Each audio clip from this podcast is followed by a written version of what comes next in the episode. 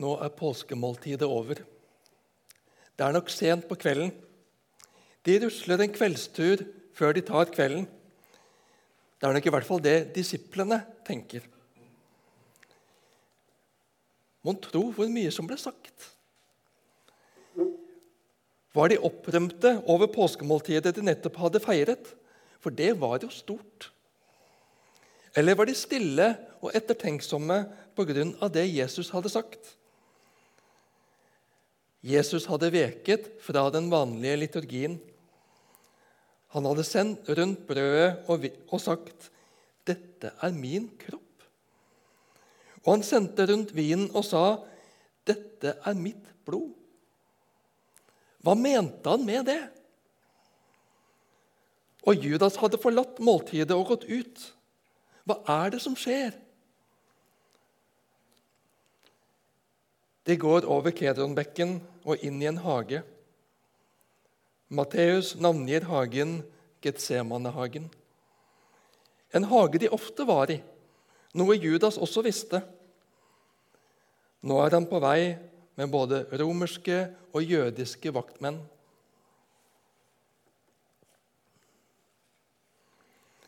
Jesus visste om alt som skulle skje med han. Han gikk fram og spurte dem hvem leter dere etter? Jesus fra Nasaret, svarte de. Det er jeg, sier Jesus. Jesus visste hva som ville møte ham der i hagen. Han vet hva som kommer til å skje denne natten og dagen etterpå. Han har jo forutsagt det tre ganger.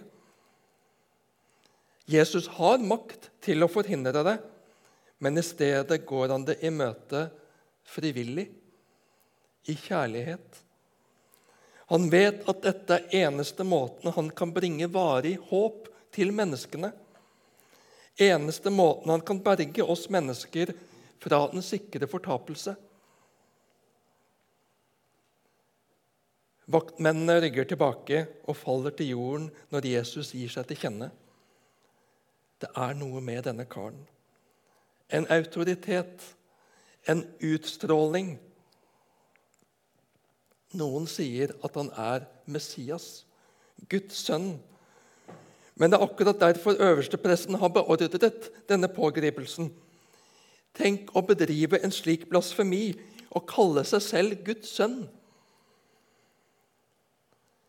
Jesus vil forhindre basketak hvor noen av disiplene kan komme til skade eller bli drept.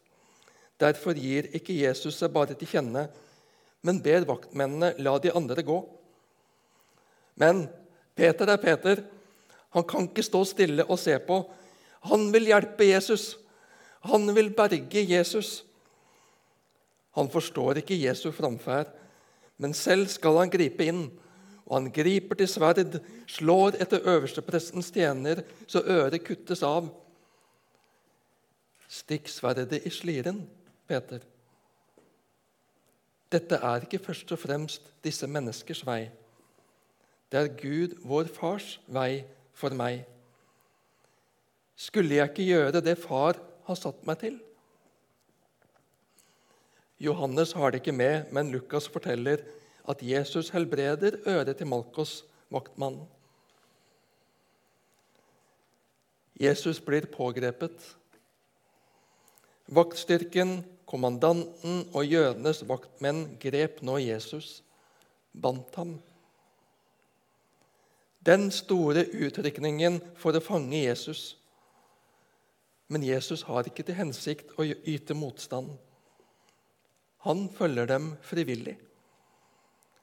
De hadde ikke trengt tau. Kjærligheten driver ham. Kjærligheten som bærer smerten for å redde sin neste. Jesus avhøres hos øverstepresten. Imens har Peter og en annen disippel Det er trolig Johannes, evangelieforfatteren selv. Johannes nevner aldri sitt eget navn i evangeliet. Disse to, Peter og Johannes, har fulgt etter og kommet inn på gårdsplassen til øverstepresten. Johannes er kjent der og kommer inn, mens Peter i første omgang blir stående utenfor ved porten. Men Johannes snakker med tjenestejenta, får Peter også komme inn.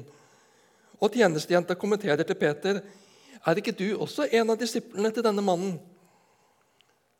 Men Peter er redd, så han benekter det. Peter, som før få timer tidligere hadde bedyret at han skulle stå last og brast med Jesus, ja, gå i fengsel og død om det krevdes. Men Jesus hadde svart sårt og ømt. Før hanen galer, skal du fornekte meg tre ganger, Peter. Dette var første gang. Nå er motet til Peter borte. Nå handler det om å redde sitt eget skinn. Men Johannes var jo kjent der. Ja, ut ifra måten tjenestejenta spør på, kjent som Jesu disippel.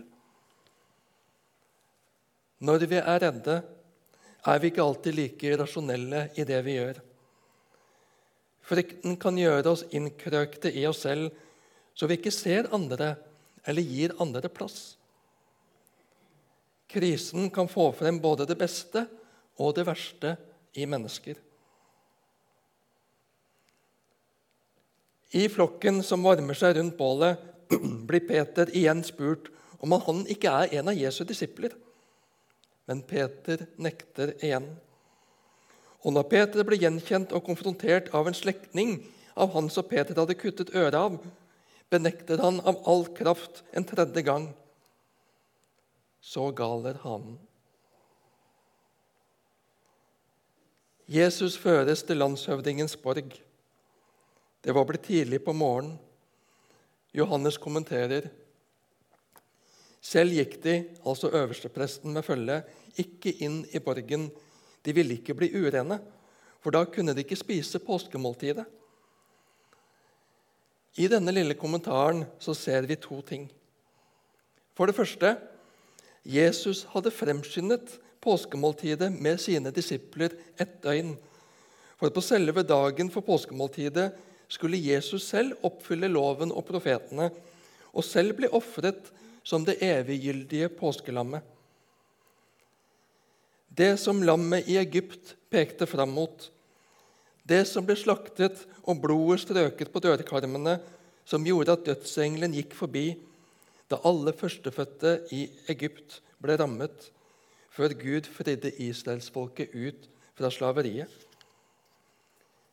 Det offer og påskemåltid som Moses foreskrev for den årlige påskefeiringen, ja, deres stamfar Abraham ble selv et forbilde, og jeg fikk selv kjenne på den smerte Gud, vår far, måtte bære da han på vandringen opp mot Moriaberget som mange hundre år senere skulle bli tempelhøyden, kjente på smerten over å skulle ofre sin egen sønn. Forskjellen var at for Abraham kom Gud ham til unnsetning, og enhver ble ofret i stedet for sønnen. Profeten har forutsagt hvordan Gud skal sende sin frelse, sende sin redning sin lidende tjener som skal føres bort som et lam som skal slaktes, og bære våre synder. Nå er det i ferd med å skje. Alt dette skal ramme Jesus, Guds sønn, og han går det i møte frivillig, i kjærlighet til deg og meg, for å frelse oss. Paulus proklamerer det i 1. Korinterbrev 5,7 for vårt påskelam er slaktet Kristus. Selv gikk de ikke inn i borgen. De ville ikke bli urene, for da kunne de ikke spise påskemåltidet. Peter hadde vært stor i ord og frimodig, men når det tilspisset seg, var menneskefrykten større enn viljen og iveren til å stå last og brast med Jesus. De religiøse lederne er så låst i egne tankemønstre og er villige til å omgå sannheten og egne lover for å nå sine mål. Ja, bruke okkupasjonsmakten, som de egentlig forakter, til å utøve dødsdommen over Jesus. Men De kaller Pilatus, landshøvdingen, ut framfor selv å gå inn til ham i borgen med ærendet sitt. For ellers så ville de bryte renhetsforskriftene og forhindres fra å delta i påskefesten og feire påskemåltidet. Egne mål, ytre renhet og fasade blir viktigere enn sannhet, ydmykhet og integritet. Så dypt kan et menneske falle, også en religiøs leder. Men selv det kan ikke stanse Gud. Selv det kan Gud bruke til å gjennomføre sin redningsplan for syndige mennesker. For en stor Gud vi har! En Gud som virker gjennom og på tross av mennesker. Utdannelse, stand og stilling som virker på tvers av Guds bud og vilje. Men de kan like fullt ikke stanse Guds frelsesplan. Og Pilatus, som har en enorm makt og myndighet, han er den romerske keiserens forlengede arm i området. Han vrir seg i dilemmaets smerte. Han prøver å slippe å ta i dette. Ta ham, dere, og døm han etter deres egen lov. Men han fanges av egen lov. Selv om de ga de okkuperte noe selvstyre, hadde de ikke myndighet til å idømme og utføre dødsstraff. Hva Pilatus tenker om Jesus, vet vi ikke. Men at han opplever at her er ugler i mosen, tror jeg nok. Her er det noe som ikke stemmer, og det merkes. Og han prøver å få Jesus i tale og stiller ham flere spørsmål. Er du jødenes konge? Hva er det du har gjort?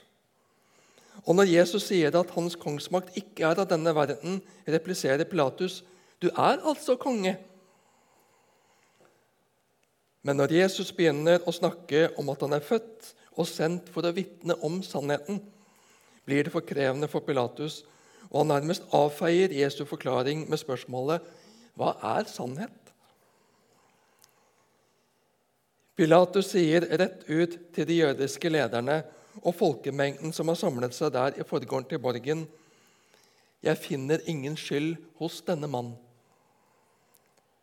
Men så vil han please folket, og deres leder også, og viser til tradisjonen med å frigi en fange i påska. Og han vil fri til folket. Vil dere at jeg skal frigi jødenes konge? Han registrerte jo at det var mange som hadde hyllet Jesus i dagene før da Jesus red inn i Jerusalem, og mange satte Jesus høyt. Og selv så han ikke noe grunnlag å dømme Jesus på. Men vi ser de religiøse ledernes makt over folket. De galdrer opp folket og får dem vendt i sin retning. Plutselig så er det ikke så farlig med å holde opprøreren og drapsmannen Barnabas bak lås og slå. De ropte igjen, 'Ikke ham, men Barabas.' Ikke frigi Jesus, men Barabas. Men Barabas var en røver, står det. Ledere har makt. Ja, de er gitt å utøve makt. Det ligger i det å være leder. Religiøse ledere har på sett og vis en enda mer inngripende makt. De blir lyttet til på en annen måte hvordan bruker vi makten i dag?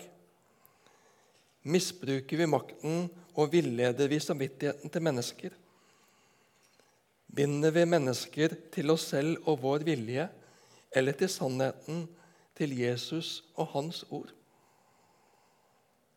Og tilbake til Pilatus. Han lar seg binde av menneskers forventninger og press. Han overlater Jesus til pisking mot sin egen overbevisning. Han bøyer av for press fra mennesker og lar et annet menneske bli et middel og et offer for å bevare egen posisjon.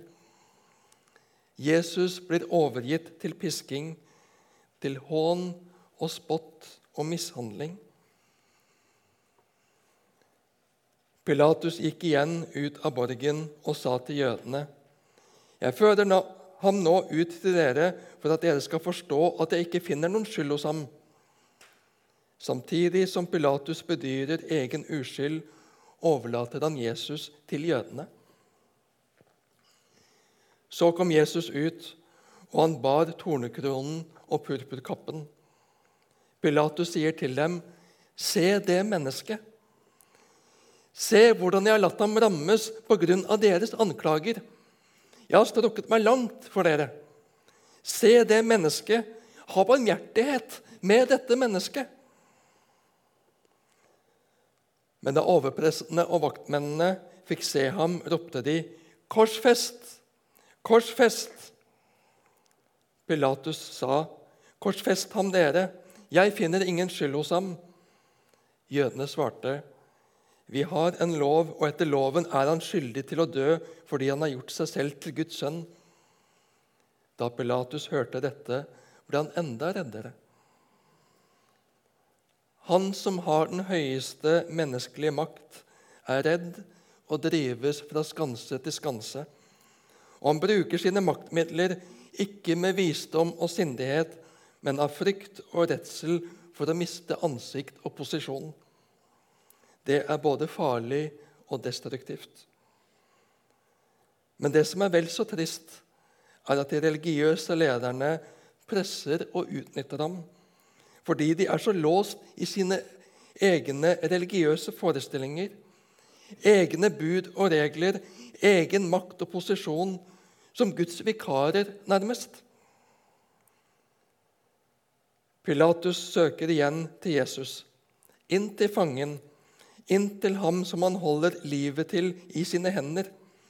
Hvor er du fra? Og Han blir fortvilet og sint når Jesus ikke svarer. Vet du ikke at jeg har makt til både til å gi deg fri og til å korsfeste deg? Jesus svarte, Du hadde ingen makt over meg dersom den ikke var gitt deg ovenfra. Derfor har Han som har utlevert meg til deg, større skyld. Pilatus er egentlig overbevist. Jesus er uskyldig. Han fortjener ikke denne straffen de vil påføre ham. Dette er ikke reelt. Jesus er ingen kriminell eller en som opponerer mot Romerriket. Og han vil egentlig gi Jesus fri. Men når jødene aner det, trykker de på på nytt. Gir du ham fri, er du ikke keiserens venn. Pilatus prøver halvhjertet å argumentere imot, men han har egentlig gitt opp. Menneskefrykten er for stor. Rett og sannhet blir sekundært. Det viktigste blir å berge eget skinn. Han gir opp. Han lar dem få viljen sin. Han som har makten menneskelig sett, lar seg manipulere og styre av den religiøse mobben. De får viljen sin. Den uskyldige dømmes på falske premisser. Han som hadde talt imot dem, han som var elsket av folket for de gode gjerningene han gjorde. Han som ga nytt liv og håp til besatte og utstøtte. Han dømmes til døden på verste og mest smertefulle måte. Hvor er sannheten og retten? Men Jesus gjør ikke motstand. Han lar det skje. Han tar imot uretten, ondskapen, hatet og smerten. Han bærer det, og snart skal han ta makten fra det ved selv å bære konsekvensene av synden, uretten og ondskapen i deres sted. Når det ser som mørkest ut, når alt er tapt, når en ikke lenger ser noe håp, da er Jesus i kjernen av smerten. Han bærer den. Han rammes av smerten. Han rammes av synden. Han rammes av ondskapen. Han bærer den og soner den for å sette deg og meg fri fra den. Det er ikke til å fatte. Det er ikke til å begripe. Vi tenker vi må sette hardt mot hardt. Vi må stå imot maktovergriperne med større makt. Vi må overgå dem med deres egne midler og kriterier. Men Guds vei er en annen vei. Guds vei er smertenes vei. Guds vei er lidelsens vei. Han går med i smerten og lidelsen. Og gjennom det setter han fri fra smerten og lidelsen. Men det ser ikke sånn ut med våre øyne. Langfredag er alt mørkt. Langfredag er det ingen som ser noen lysning. Langfredag er det ingen som ser noe håp. Gud føles langt borte. Gud har forlatt oss. Men sannheten er at Gud er helt, helt nær. Han står i smerten. Han bærer smerten og uretten. Vi er ikke uten skyld, noen av oss. Vi kan rammes av mye urettferdig og urett, men vi er ikke uskyldige, vi heller. Om vi skulle bli konfrontert med alt det vi har sagt, tenkt og gjort, så ville ikke det være noe pent syn. Det ville ikke gi noe pent bilde av meg. Jeg vil skamme meg. Jeg vil bli skyldtynget, og det med rette. Vi har for vane som mennesker å peke på andres skyld, som er så mye større, og få blikket og oppmerksomheten bort fra mitt eget. Bagatellisere mitt eget ved å peke på andres, som er så mye verre. Men det skaper bare frykt. Menneskefrykt og avsløringsfrykt. Vi binder oss selv og binder hverandre. Og Satan koser seg.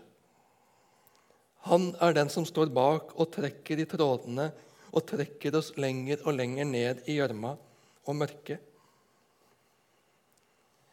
Langfredag tiet Jesus. Han svarte ikke på anklagene, for anklagene var falske. De var ikke hans. De var dine og mine.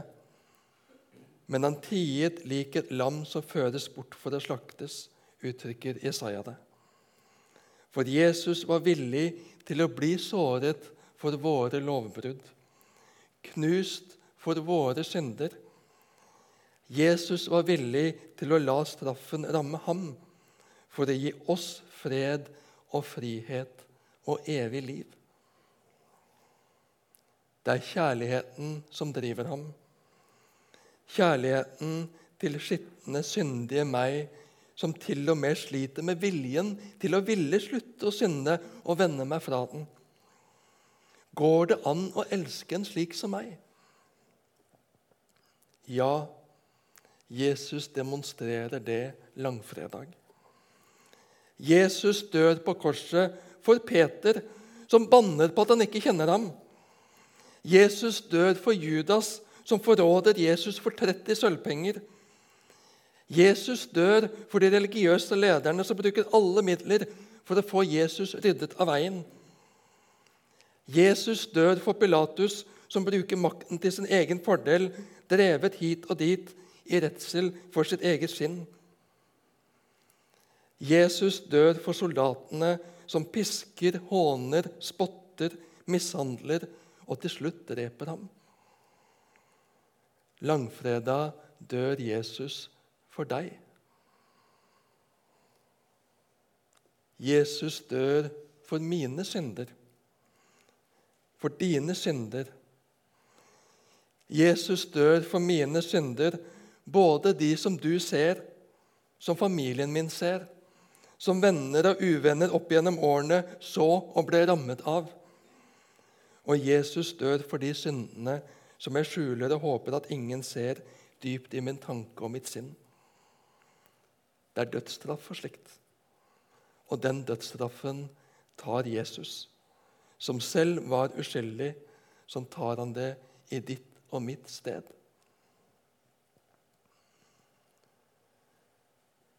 Så er det ubehagelige spørsmålet var det forgjeves? Døde Jesus forgjeves for din og min skyld og synd? Peter skulle erkjenne og bekjenne og vende tilbake til tross for at han lot Jesus i stikken. Han ble tilgitt, renset og ren og fikk på ny bli en Jesu disippel og fikk bidra med mye godt for Gud og mennesker. Vi har ingen sikre kilder, men det har vært mange spekulasjoner på om Pilatus tok imot Jesus og ble en kristen. Tilgivelsen og gjenopprettelsen var mulig for Pilatus. Det jødiske lederskapet ble splittet. Noen hardnet ytterligere til og fortsatte å forfølge alle spor og rykter om og etterfølgere av Jesus. Men noen forlot prestisjen og posisjonen og ble Jesu etterfølgere. De sa ja til tilgivelsen og nytt liv. Judas holdt skammen over hva han hadde fått seg til å gjøre for seg selv. Den ble for stor og vond å leve med. Han endte opp med å ta livet sitt.